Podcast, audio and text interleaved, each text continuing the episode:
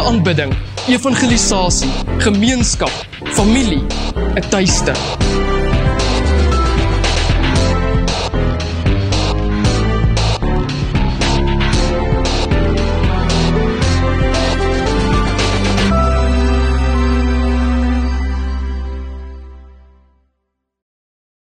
Om hierdie en soortgelyke programme te ondersteun, kan jy gebruik maak van EFT bankoorplasing, Zapper of SnapScan toepassing op jou selfoon. Ons programme is beskikbaar op YouTube, Apple Podcasts en Spotify. Die Here wil sy werk op aarde afsluit. Wat 'n uur. Wat 'n belewenis.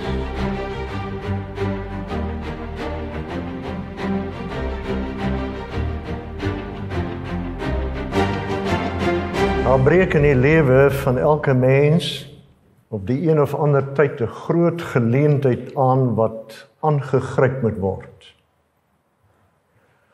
So 'n krisis kan sy hele lewenskoers bepaal. As so 'n uitdaging nie raak gesien en aangegryp word nie, kan dit soms noodlottig wees. En so kom daar uitdagings tot 'n kerk. Daar kom 'n geleentheid wanneer groot besluite geneem moet word en daar breek 'n tyd aan wanneer groot ondernemings in geloof met doelgerigtheid en doelbewustheid aangedurf moet word. Wie daardie kerk wat blind is vir so 'n uitdaging? Wie daardie kerk wat terugduin sonder visie, sonder hoop, sonder geloof en sonder moed die hande laat slap hang. Wie daardie kerk wat nie 'n duidelike besef van sy roeping het en van sy verantwoordelikheid nie. Wie daardie kerk wat nie hulle prioriteite in plek het nie. Wat nie eerste dinge eerste stel nie. Wie daardie kerk wat hom besig hou met die ondergeskikte terwyl die allerbelangrikste 'n bysaak word. Dis moontlik vir 'n kerk om aan sy hoogste roeping ontrou te word. Dis moontlik vir die lig om onder die maatemmer verberg te word, vir die sout om smaakloos te word. Nog nooit in die 126 jarige bestaan van ons geliefde kerk in Suid-Afrika was daar so 'n groot uitdaging as waartoe ons nou gestel word nie. En die gevaar bekruip ons dat ons nie voorbereid sal wees nie. Die gevaar is dat ons dit nie besef nie. Maar met elke krisis is dit 'n geleentheid. En in hierdie tyd word 'n gulde geleentheid ons aangebied om ons taak veral in Suid-Afrika spoedig te voltooi. Wat is die uitdaging van die kerk? Johannes hoofstuk 4 vers 35 lees ek. Kyk ek sê vir julle slaan julle oë op en aanskou die lande dat hulle al wit is vir die oes. Dis die eiland self wat die beeld van die wit oeslande eerste gebruik het.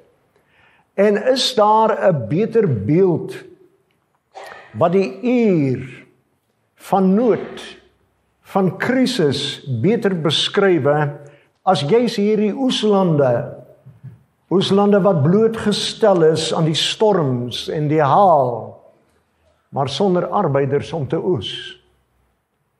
Hierdie beeld spreek baie in baie duidelike taal tot die adventvolk in Suid-Afrika. Daar is 'n wedloop teen 'n ontstellende tempo aan die gang om die hart van Afrika te verower. Daar is gevare wat druig en ons durf nie as onbelangstellende toeskouers agteroor sit nie. Die oosterse godsdiens herleef in die 21ste eeu. Die islamitiese geloof het sterk na vore getree en dit wen vinnig veld. Die ekumeniese beweging roep hard na 'n wêreldwye kerkeenheid met die gevaar van Christelike vervolging. Die New Age Satanisme Spiritisme vier hoëgety in die Christelike kerke en die materialistiese en sekulêre wêreld het die jong mense se verbeelding aangegryp. Bose magte begoogel die mensdom en blaas politieke geweld aan wêreldwyd en ook in ons land soos ons nog nooit voorheen geken het nie. En die groot vraag is, hoeveel tyd het ons nog om in 'n mate van veiligheid en met godsdienstvryheid die drie engele boodskap aan die miljoene van Suid-Afrika te bring. Het ons dalk ons plig in die verlede versuim dat ons nie die gunstige geleenthede geneem het, te baat geneem het om die verskillende volke van Suid-Afrika te evangeliseer nie. Ek kry die gevoel dat die volgende paar jaar beslissend gaan wees. Die deur staan nog oop vir Suid-Afrika om die advent boodskap te hoor. En dit voel vir my dit is 'n tyd van nou of nooit. Nou in hierdie krisisuur wat ons beleef, het die Here se kerk vier groot behoeftes. Die eerste behoefte is die doping van die Heilige Gees. Op Pinksterdag is die volgelinge van Jesus met die Heilige Gees gevul wat hulle in staat gestel het om die evangelie oor die hele wêreld te verkondig. En hierdie vervolging wat in Jerusalem plaasgevind het, het die lidmate, die vlugtende lidmate waar hulle ook al versprei is, die evangelie met hulle saamgeneem. Met die vervolging is die evangelie wyd versprei deur hierdie vlugtende lidmate, aangevuur deur die Heilige Gees. Het hierdie lidmate nou die evangelie buite die grense van Judea geneem en die pad vir Paulus en die ander apostels gereed gemaak. Byvoorbeeld die gemeente in Rome is deur lidmate gestig nog voordat Paulus of Petrus hierdie Romeinse hoofstad besoek het. Een van die voorvereistes van Christelike diens is dat jy moet met die Heilige Gees gevul word. Jesus het vir elkeen van ons gawes gegee en ons toegerus sodat ons diensbaar kan wees. Deur 'n geesgevulde lewe kan jy 'n instrument in die hand van God wees om iemand na Jesus te lei. Deur 'n geesgevulde lewe Kan jy jou tuisgemeente aan die brand steek met 'n goddelike entoesiasme? Die lewensbelangrike behoefte van die oorblyfsel kerk van die Here Jesus Christus is geesgevulde manne, geesgevulde vroue en jong mense en selfs kinders. Ons tweede grootste behoefte is 'n nuwe gees van gebed. Daar kan geen bewuswording van ons taak en roeping wees sonder 'n geestelike verdieping, sonder 'n volkomme oorgawe en 'n toewyding nie. Elke voorwaartse beweging in die geskiedenis van ons kerk het gepaard gegaan met 'n geestelike herlewing deur die Heilige Gees en deur gebed. Dit moet begin in ons persoonlike lewe. Dit moet deurwerk na die huisaltaar. Dan moet dit deurwerk na die gemeente. Watter plek en krag het gebed in evangelisasie? Jare gelede het die bekende Dr David Cho is hy beroep na die volle evangelie kerk in Seoul, Korea met 'n lidmaatskap van 3000 mense. By die intrapslag het die kerkraad vir hulle nuwe predikant gevra om 'n gedetailleerde rooster van sy planne en sy programme aan hulle voor te lê. Hy vertel hulle toe dat hy van plan is om die meeste van sy tyd in persoonlike en groepsgebed deur te bring. Party van die kerkraadslede was so teleurgestel dat hulle opgestaan het en uitgestap het. Vandag aanbid daar in daardie kerkgebou wat 15000 mense akkommodeer. Sewe dienste word elke Sondag direk na die ander vir 105000 mense gehou en elke keer is die kerk stampvol. Die res van die gemeente 837 lidmate, die grootste ter wêreld, volg die dienste per satelliet. Hulle publiseer 'n koerant wat deur 1 miljoen mense gelees word. Hulle bestuur 'n universiteit. Hulle ondersteun 800 sendingprojekte oor die wêreld. Vir Dr. Cho was gevra, "Wat is die geheim vir die fenominale groei van hierdie gemeente en hy sê ek sal vir julle drie van my geheime vertel. Geheim nommer 1 vir hierdie sukses is gebed. Die tweede geheim is gebed. Die derde geheim is Wat was dit? Gebed. Gebed was die sleutel waarom hierdie gemeente so geweldig gegroei het. Gebed was, gebed is nog altyd die antwoord. Dominee Seed B Brink het jare gelede in 'n radiopreek die volgende treffende woorde gesê. Sy elke keer wanneer die sending moet swig voor die heindom is omdat Eerens in die wêreld is daar 'n gemeente of 'n lidmaat wat opgehou het om te bid. Kom Israeliete, laat ons bid vir die vier tonge van Pinkster sodat die tonge van God se kinders los kan word. Laat ons bid vir die rare wonderwerke van bekerings by die 11 uur diens op 'n Saterdagoggend. Laat ons bid dat die adders en die duiwels vlug uit ons lewe en uit hierdie gemeente. Laat ons bid. Dit is die antwoord.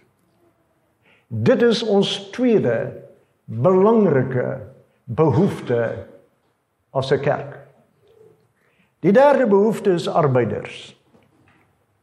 Die eerste en die hoogste roeping van die kerk is die uitbreiding van die koninkryk van God.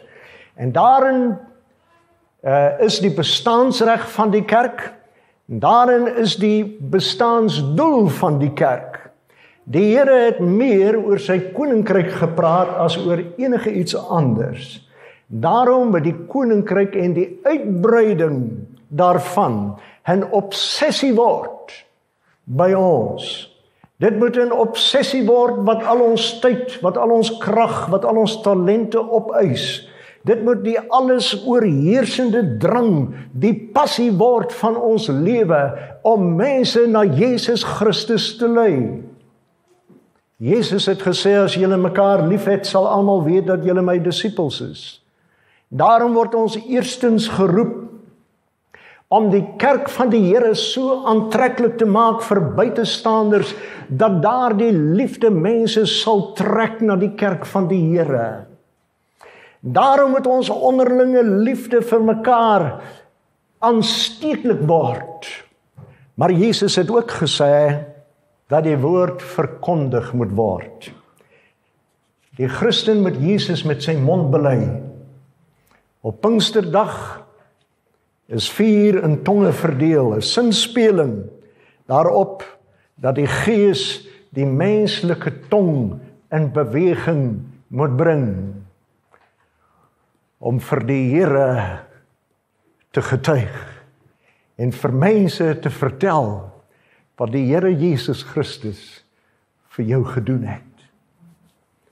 Ons het die edelste en die knapste seuns en dogters van ons kerk nodig as predikante, as sendelinge, as mediese dokters, as verpleegsters, onderwysers, as Bybelwerkers, maar ons het nie net professionele mense nodig nie.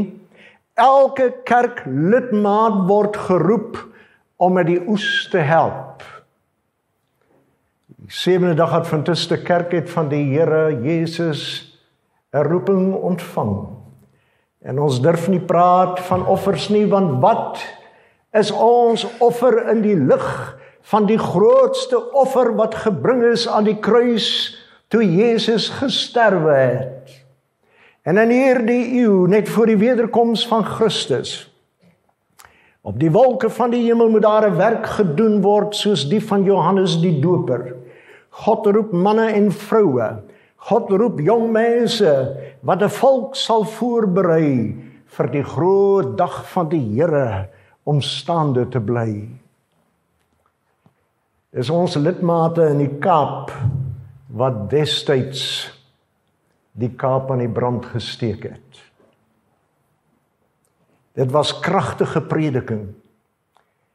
Dit was Bybelstudies in huise.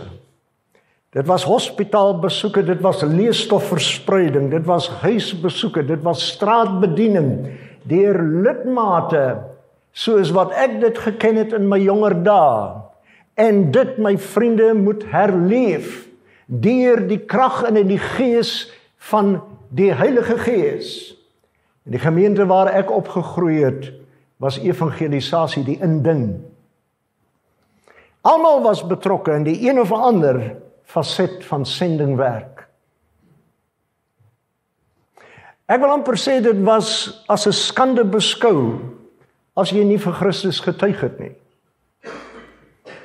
En as jy nie betrokke was in 'n een of ander uitreik program van die gemeente nie, dan was dit 'n teken dat daar is iets fout met jou geestelike lewe en die gemeente het vir jou gebid. Those were the days. Ek was so braaf en so meegevoer deur hierdie gees van evangelisasie dat pas nadat ek tot bekering gekom het, het ek openlik dienste gehou. Ek het gepreek vir mense in die straat.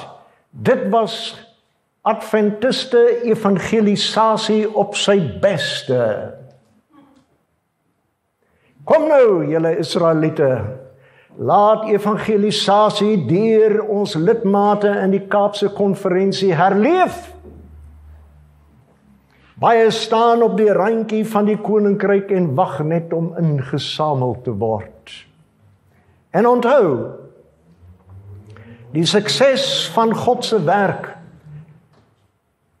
hang nie van groot getalle af nie. Dit hang af van toewyding van geloof dat God net sowel deur 'n klein groepie sy werk kan voltooi as deur 'n groot groep mense. Dis nie vir jou nodig om die wêreld eie handig te verander nie. Jy hoef maar net deel te wees van die golf deur mense om jou aan te raak En daardie mense om jou wat jy aanraak, daardie mense sal op hulle beurt weer ander mense aanraak en hulle sal deel wees van hierdie groot golfbeweging wat Christus sy evangelie uitdra aan mense wat daarvoor wag. Daarom moet jy nooit voel dat jou deel wat jy doen is te klein of onbenullig nie. Ons vierde behoefte is 'n relevante kerk. Ons kerk in Suid-Afrika staan voor die grootste uitdaging in ons geskiedenis. Die museum vir bedreigde spesies wink sterk in die rigting van baie kerke. Al hoe meer gemeentes skryf op hulle eie grafstene Ons wou nie die lewende water in relevante houers aan vandag se mense aflewer nie. Verby is die dae toe die wêreld 50 en 100 jaar geneem het om te verander. Nou skuif splinter nuwe dinge in alle rigtings daagliks. Die ystydperk spoel oor die sittende en die slapende en die weifelende lidmate. Daar is nie tyd om stil te sit nie al is jy op die regte pad. Verby is die dae van lomp kerklike strukture. Verby is die dae van irrelevante preke van lewensvreemde opleiding van dooie vergaderings. Dit lyk vir my dat dit is net in die kerk waar mense meer tyd aan vergaderings spandeer in komitees as die werk self. Jy kan enige publieke park gaan besoek en jy sal geen monument vind ter ere van 'n komitee nie. Ons briljante organisasies Ons briljante kerkstrukture is nodig. Dit is belangrik, maar dit is nie die belangrikste nie. Ons kan dit miskyk. Te veel energie word bestee in die in die ontstandhouding van dooie kerklike strukture. Te veel tyd en geld word bestee om sekere organisasies te laat groei en om dit lewendig te hou. Dis die wêreld wat ons moet red, nie inrigtings en strukture nie. Die doel van die sout is nie om die soutpot te vul nie, maar om die voedsel smaaklik te maak. Die dramatiese groei van onafhanklike kerke wêreldwyd toon duidelik dat geloof in God is nog lank nie uit die mode nie. Dit beteken nie dat die postmoderne geslag nie meer Bybelleerstellings wil hê nie. Dis net met sommige kerklike verpakkings dat iets kort. Die mense van 2018 vra op 'n goed deurdagte, relevante manier die goeie nuus sodat hulle dit kan beleef en sodat hulle dit kan uitleef. My vriende, ons begeer 'n kerk wat gedurig hervorm en wat hervormend bly. Ons gemeentes het dinamiese leierskap nodig. Leiers wat ander met hoop kan inspireer. Leiers wat buig voor God en vandag se lewensvrae met integriteit hanteer. Leiers wat die kerk in die nuwe millennium kan laat oorleef. Leiers wat vinnig en kreatief, maar ook in die lig van Bybelse waardes leiding kan neem. Leiers wat die volk van die Here kan voorberei vir die wederkoms. Hierdie kaliber leiers is die enigste teevoeter vir kerklike irrelevantie wat so hand oor hand versprei. Die millennials die geslag tussen 16 en 36 jaar oud is 'n krag om mee rekening te hou. Millennials besit sekere eienskappe wat hulle 'n unieke groep mense maak met die potensiaal om positiewe veranderinge en hervorming te skep. Maar of die huidige geslag leiers, kerkleiers egter bereid sal wees om hierdie dinamiese millennium leiers genoegsaam te vertrou om die kerk vorentoe te vat, sal ons nog moet sien.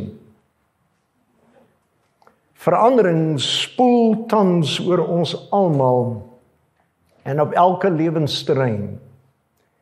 In hierdie tyd worstel meer as een gemeente wêreldwyd met vreemde winde wat waai.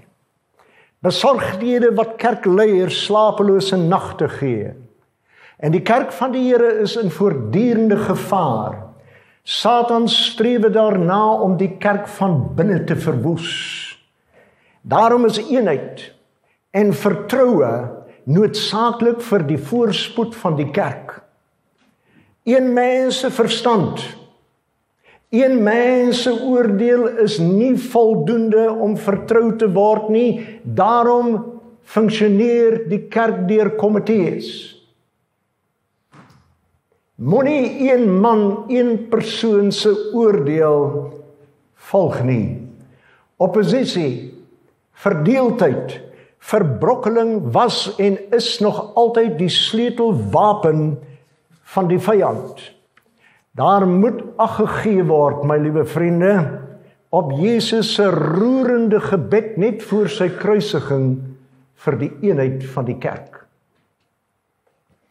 En as 'n eenheid so 'n groot besorgdheid vir Jesus was, dan behoort ook vandag dit elke lidmaat se eerste prioriteit te wees.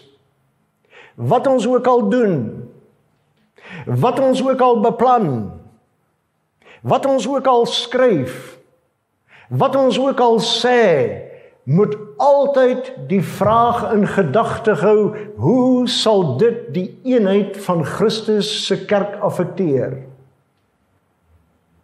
Die gevare van verdeeldheid in die 21ste eeu kerk behoort nie vreemd te wees nie, want ons lees in Handelinge 6 dat daar in die vroeë kerk ook besondere interne probleme ontstaan het wat deur kulturele en taalkundige verskille veroorsaak het.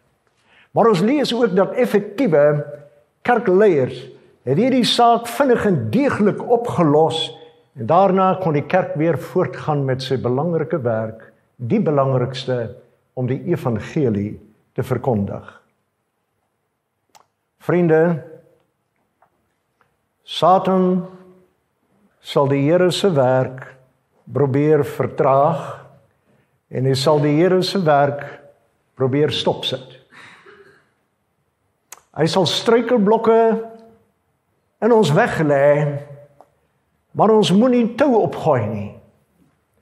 Ons moet voortgaan om te bou op die fondamente wat jare gelede deur trane, deur swaar kry, deur opoffering, deur ons voorgangers gelê is. Een ding is seker. Die sewende dag Adventiste kerk wêreldwyd staan onbeweeglik vas op die beginsels van die protestante hervorming. Alleenlik die Bybel. Alleenlik deur geloof. Alleenlik deur genade. Alleenlik Jesus Christus as ons middelaar. Alleenlik die Skepper God wat aanbid moet word.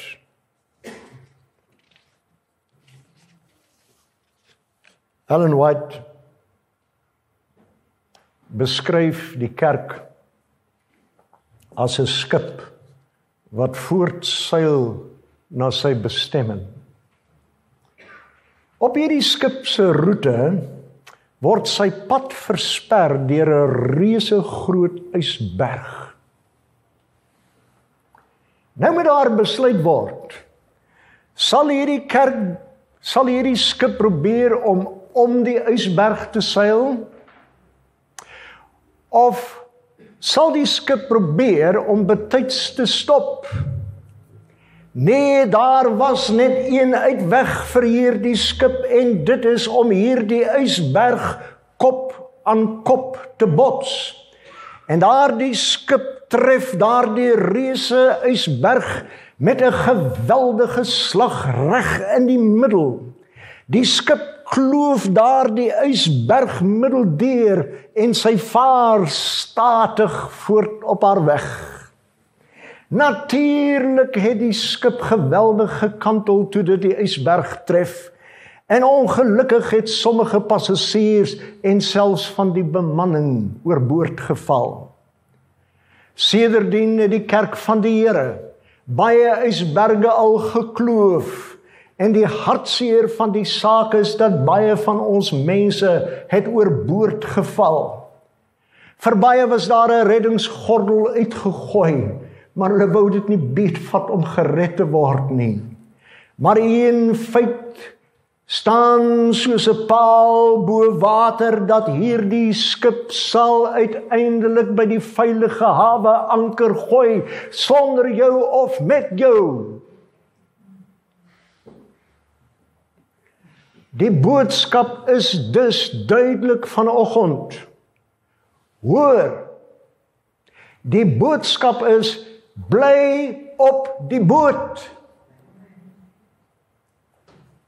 Die goeie nuus is dat ten spyte van onsself sal die Here se kerk triomferend wees. Halleluja. Die bruid in wit sal oorwinnend wees.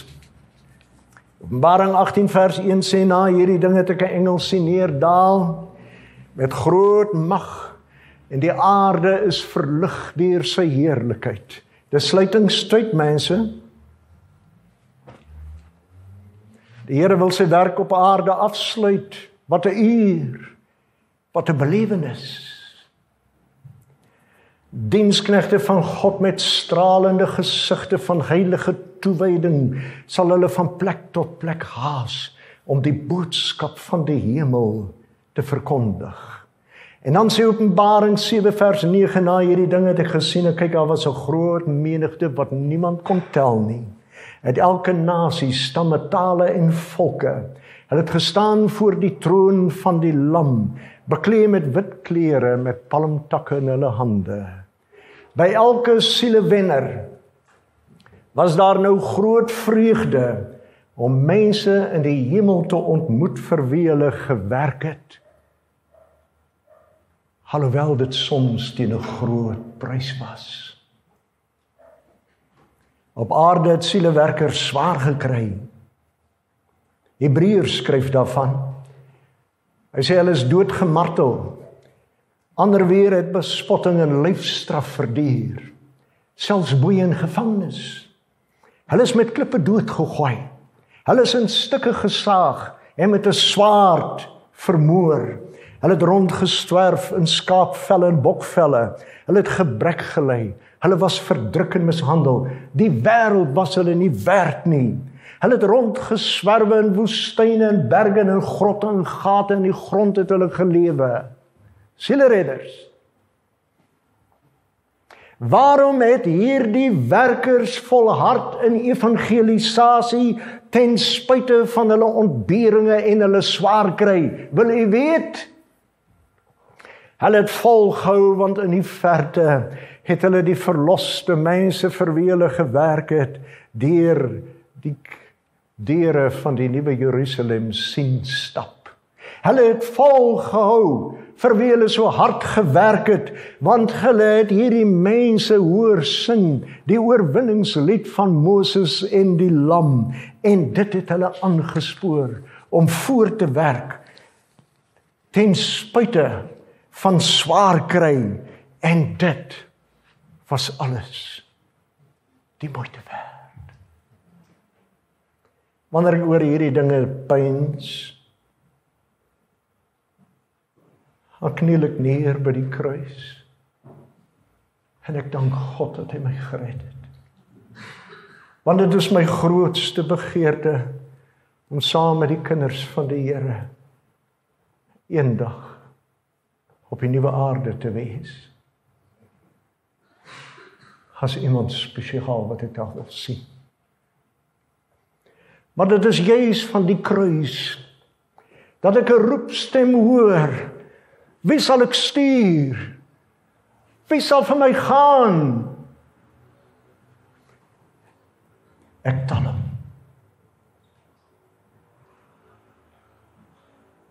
My hart breek wanneer ek dink aan al die verlore mense. Ek dink aan sommige van my familie wat die rug gedraai het op die Here. Ek dink aan afvallige lidmate wat nie meer saam met ons is nie. Wat mismoedig geword het en uitgedraai het op die pad. Ek dink aan my vriende en ek dink aan my brief, my bure wat die Here nie ken nie. Ja, en daardie ou dronke aard op die sypaadjie by wie almal verbystap. Weer kom die roepstem dringend na my. Rolof. Rolof. Wie kan ek stuur? Wie sal gaan? Ag my vriende, wat anders? Wat anders kan ek antwoord as om te sê Here Here sê ek stuur my